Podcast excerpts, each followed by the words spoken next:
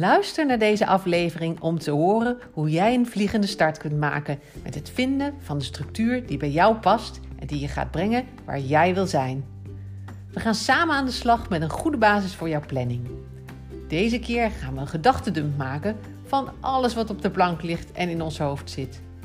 Daarna gaan we fijn structuur aanbrengen en is je hoofd niet meer zo vol. Een goede basis om, als dat op orde is, jouw gestelde doelen in stukjes op te delen, in te plannen en te bereiken.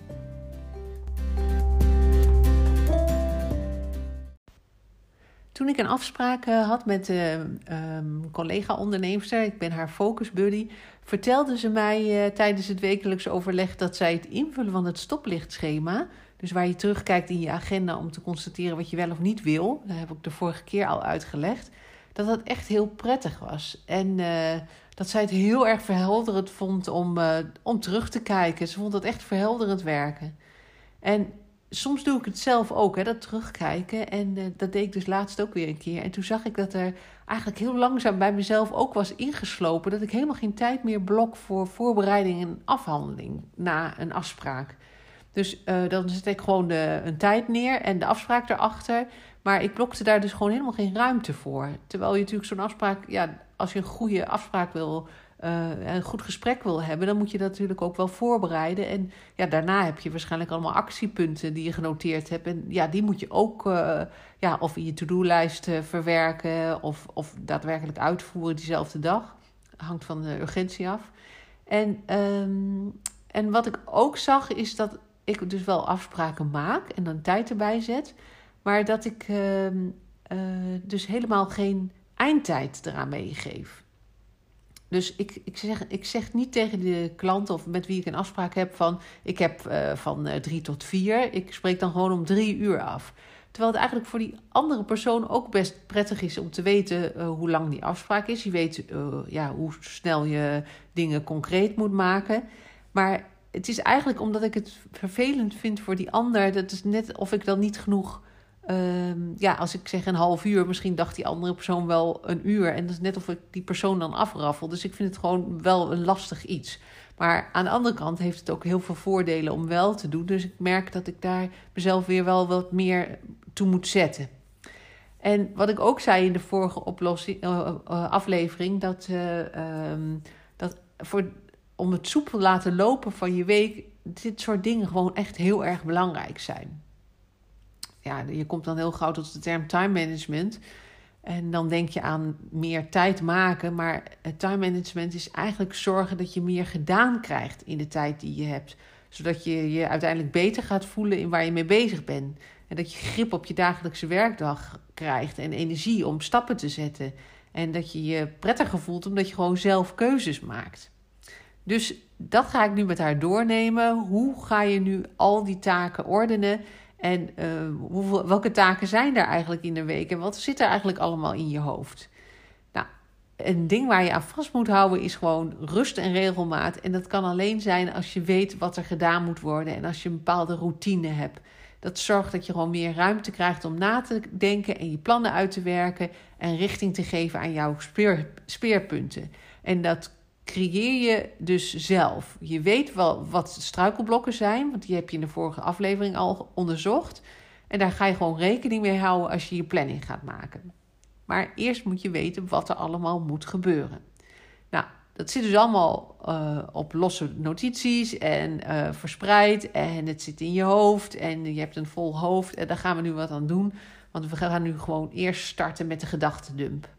Dus je hebt nu eerst gekeken wat uh, doet jou goed en wat doet jou niet goed. En nu gaan we de gedachtendump maken van alle activiteiten die in je hoofd zitten. En dat is dus nog niet met de grotere doelen, gewoon alle dagelijkse kleine dingen die uh, op je bordje komen. En het is handig om een groot vel papier te pakken of een, een leeg notitieboek.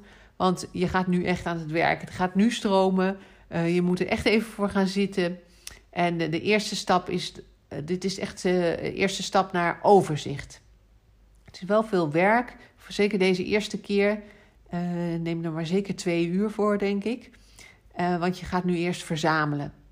Vanaf dat je um, eh, als je die braindump gaat maken, ga je eerst kijken van welke kleine taken moet ik allemaal doen, welke grote taken, welke processen zijn er gaande. En je gaat dus nu echt overzicht creëren. En je haalt dus alles uit je hoofd en zet het op papier. En het hoofd is vol en het moet leeg, want anders kun je nooit na gaan denken over je plannen. En dit is een ja, redelijk simpele manier om dat aan te pakken. En als je dit gedaan hebt, weet je in ieder geval wat er op je schouders rust.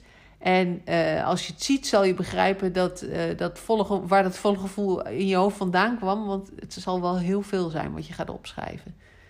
En uh, dus we gaan ruimte creëren. Even doorbijten, maar dit is echt nodig om overzicht te krijgen. Alles opschrijven wat jouw aandacht nodig heeft. Gewoon allemaal achter elkaar opschrijven. En uh, ik ga dus nu alle punten noemen waar je aan kan denken. Je hoeft niet echt mee te schrijven, want ik ga ze ook op de website zetten. Maar een soort lijstje van uh, wat je kan nalopen, zodat je eigenlijk uh, zo min mogelijk vergeet. Het begint met projecten. Welke lopende projecten heb je? En welke projecten zijn blijven liggen? Aan welke projecten moet je nog beginnen? En dan heb je toezeggingen uh, die je bijvoorbeeld hebt gedaan aan klanten, aan collega's of aan bedrijven waar je mee werkt of voor werkt. En dan het derde punt is alle communicatie die van jou verwacht wordt. Waar moet je allemaal nog op reageren? Denk aan mailtjes, telefoontjes, voicemailberichten, brieven, memo's. En wat moet je nog allemaal schrijven?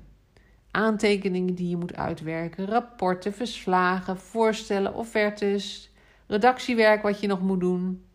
En het vierde punt is, wat moet je allemaal nog doorlezen? Hè?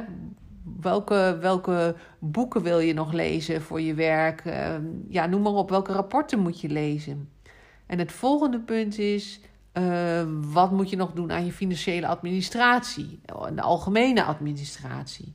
En wat moet je allemaal nog organiseren? En uh, wat moet je nog doen voor klanten? Eh, wat moet je intern nog doen? Wat moet je doen aan opleiding? Wat moet je uitzoeken hoe, hoe iets werkt? Welke tutorials wou je nog volgen? Wat moet je nog onderzoeken? En op welke reacties wacht je nog? En zijn er nog speciale gebeurtenissen waar je iets voor moet doen? Zoals een vergadering voorbereiden. En wat moet er worden ingekocht? Wat heb je nodig voor op kantoor? Nou, ga zo maar door. En als je dit allemaal gedaan hebt, kijk je ook nog even goed rond op je werkplek. En wat ligt er allemaal aan bonnetjes, briefjes, notities, aantekeningen? Wat staat er her en der verspreid op, op bloknotes, vellen? Zet het allemaal op die ene lijst. En ik kan je garanderen dat is veel. Er zal veel op die lijst staan. Want daarom is je hoofd zo vol. En dat staat allemaal dus in je hoofd. En dat hoeft dus helemaal niet meer. En geen paniek dat je denkt: jeetje, moet ik dat allemaal nog doen? Want in de volgende aflevering vertel ik hoe we lekker gaan schrappen en strepen en delegeren. En ik beloof je, de mist zal echt wel opstijgen hoor. En uh, je krijgt inzicht waar je prioriteiten liggen. Dit gaat jou helpen rigoureus af te rekenen met taken die niet jouw tijd en aandacht verdienen. Die ga je namelijk gewoon lekker delegeren naar anderen of helemaal schrappen. En dat kan enorm opluchten. Heel veel succes met het maken van de lijst.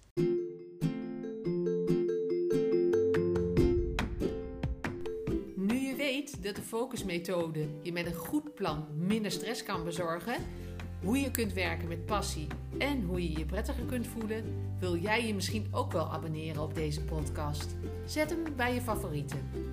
Maak gebruik van de gratis printables en informatie en kijk op www.papertime.nl met een middenstreepje. Helemaal leuk om een berichtje van jou te ontvangen om te horen wat je van de podcast vindt. Of misschien heb je vragen of suggesties Nogmaals bedankt voor het luisteren en heel graag tot de volgende keer.